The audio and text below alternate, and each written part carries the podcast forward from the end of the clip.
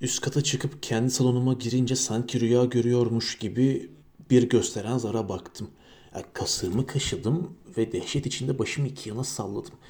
Kadına tecavüz yıllardan beri işlenen bir suçtu. Ama ben onu ancak mümkün olup olmayacağını düşündüğüm zaman anladım. Akıllıca ya da arzulanan bir hareket miydi bu? Ama ben onu önceden fazla düşünmeden yaptım. Kendi dışımda bazı güçlerin etkisiyle ve bir zarın üstündeki tek noktaya baktıktan sonra gerçekleştirdim. Bunun nedeni şans ya da kaderdi. Ben değildim. Bu zarın üst yüzünde tek noktayı görmem altıda bir ihtimaldi. Kayıp zarı orada unutulmuş oyun kartının altında bulma ihtimalimse belki de milyonda birdi. Benim tecavüz olayım açıkçası kaderin bir oyunuydu. Ben suçlu değildim. Aslında Ozar'ın bana gösterdiği yoldan geri dönmem mümkündü tabii ama kendime bir söz vermiştim. Onun yüzünde biri görsem bir şey yapmaya söz vermiştim.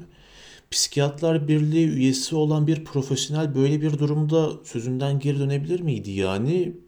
Olmazdı böyle bir şey. O halde ben suçlu değildim. Jürenin önünde önümdeki tükürük hokkasına tükürüyor gibi hissettim kendimi. Ama aslında oldukça zayıf bir savunmaydı bu ve bu yüzden daha iyi ve güçlü bir savunma aramaya başladım. Ama ben haklıydım. Zara itaat etmeliydim. Her zaman ederdim zaten. Oyunda onların gösterdiği yoldan giderdim. Bütün güç Zar'ın elindeydi. Uzun süre heyecanlı ve gururlu bir zihin karmaşası içinde düşündüm durdum. Bundan sonra Zar'ın gösterdiği yolun dışına asla çıkmayacaktım. Bunu kafama iyice soktum. Zar'ı asla sorgulamayacaktım, onun dediğini yapacaktım. Ondan sonraki dakikalar önemliydi benim için. Zar'ı elime aldım ve kendi kendime konuşarak zar birli, üçlü ya da beşli gelirse gidip yatacağım. Eğer ikili gelirse aşağı inecek ve Jake'e karısıyla tekrar yatıp yatamayacağımı soracağım. Eğer dörtlü ya da altılı gelirse yatmayacak ve bu konuda biraz daha düşüneceğim. Zarı kutusuna koydum. İki elimle hızla salladım ve poker masasının üstüne attım. Yuvarlandı ve beşli geldi. Şaşırdım ve biraz canım sıkıldı ama sözümü tuttum ve gidip yattım. Daha sonraki zar atışlarında birçok kez öğreneceğim bir dersti bu. Zarlar da hemen hemen insan kadar yanlış hüküm verebiliyordu. Eğitimim sırasında her açık nedende rastgele anlamsızlık aramayı öğrendim. Sabahleyin kahvaltı, ılık kahve ve akşamdan kalma dilin lanet homurdanmalarından önce suç sahnesini yeniden yaşamak için salona gittim. Salonu adımlayıp dururken o gece zar ne gösterirse göstersin ben yine de alt kata Arlen'e giderdim diye düşündüm. Ama bu konuda kendimi ikna edemedim. Aslında biliyordum ki beni merdivenden aşağıya Arlen'in kucağına götürecek olan şey sadece Ozar'dı. Ozar'ı kartın altında bulmadan önce orada olduğunu biliyormuş gibiydim. Bunu kanıtlamaya çalıştım. Onun birli yüzünü görürsem Arlen'e gideceğim sözünü vermeden önce orada görmüş gibiydim sanki. O kartla altındaki zarı tuvalete koşarken Lil bırakmış olacaktı orada. Ama o durumda zarın birli yüzünün yukarıda olduğunu bilemezdim değil mi? Oturduğum yerden zarın yan yüzlerini görmüş ve yukarı bakan yüzünün bir ya da altı göstermiş olduğunu tahmin etmiş olabilir miydim acaba? Sehpanın yanına gittim. Zarı attım ve üst yüzün ne gösterdiğine bakmadan üzerine oyun kartıyla örttüm.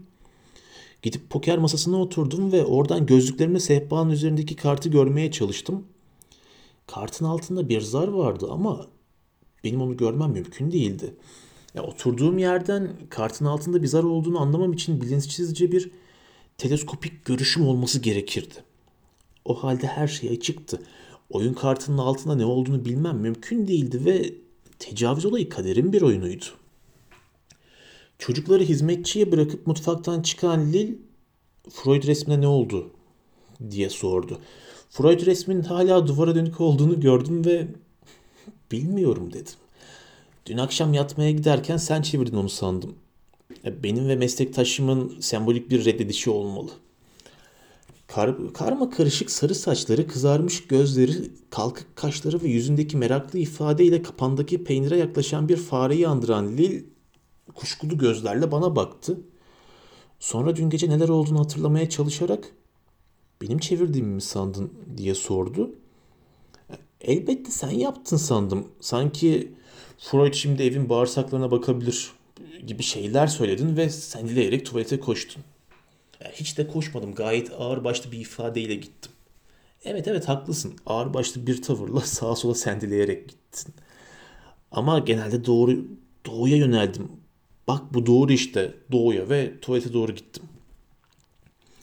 İkimiz de birer kahkaha attık ve ondan sonra çalışma odama bir kahveyle bir çörek getirmesini istedim. Ivy ve Larry hizmetçinin elinden kaçmış olacaklar ki koşarak salona girdiler. Ama orada da duramayıp mutfağa doğru kayboldular. Ben ev içindeki sığınağıma, çalışma odama gittim ve masama oturdum. Bir süre elimdeki iki zarı masanın üzerine atıp onlarla oynayarak dün gece olanların benim için ne anlama geldiğini düşündüm. Bacaklarım ve belim hafifçe ağrıyordu. Bana ağır geldiler ama zihnim açıktı. Yani dün gece 2-3 yıldan beri hiç aklıma bile gelmeyen bir şey yapmıştım. Onu yaptıktan sonra değişmiştim. Büyük bir değişiklik geldi. Bu ama yine de değişiklikti işte. Hayatım birkaç hafta süreye daha karmaşık, biraz daha heyecanlı olacaktı. Son zamanlarda kitabımı yazmak, hastalarımla yeterince uğraşmak ve borsa oyunlarına kafa yormak için zaman bulmaya çalışırken şimdi bir de Arlen'le eğlenmek için boş bir saat ayarlamaya çalışmak durumundaydım. O zaman belki de daha iyi harcanmış olmayacaktı ama ben yine de zevkli vakit geçirecektim. Bunun için de Zara teşekkür borçluydum. Bu zarlar bana başka ne söyleyebilirdi acaba? Belki psikanaliz yazılarını yazma, hisse senetlerini sat ya da alabildiğin kadar al. Karın yatağın diğer kenarında yatarken sen geniş yatağın bu kenarında Arlen'le seviş diyeceklerdi. Ya belki de San Francisco'ya, Hawaii'ye, Pekin'e seyahat etmemi, poker oynarken blöf yapmamı, evimden, dostlarımdan, mesleğimden vazgeçmemi tavsiye edeceklerdi bana. Psikiyatri çalışmalarımı bırakıp bir üniversite hocası, bir borsacı, emlakçı, zen uzmanı, kullanılmış araba satıcısı, seyahat acentesi ya da asansörcü olabilirdim. Aslında aklımda o kadar çok meslek vardı ki özelliklerime uygun bir meslek seçmek hiç de kolay olmayacak gibi görünüyordu. Aklımda bir sürü ihtimal dolaşıp duruyordu. Şimdiye kadar hissettiğim can sıkıntısı aslında tamamen gereksizdi. Her ihtimali iyice düşünmeliydim. Zar atılmıştı ve yuvarlanırken ne geleceğini elbette bilemezsiniz. Eğer insanın hayatı ölüyse, can sıkıcıysa ne yapabilir ki? Yaşasın yeni hayat. Fakat nasıl bir hayat olacaktı bu?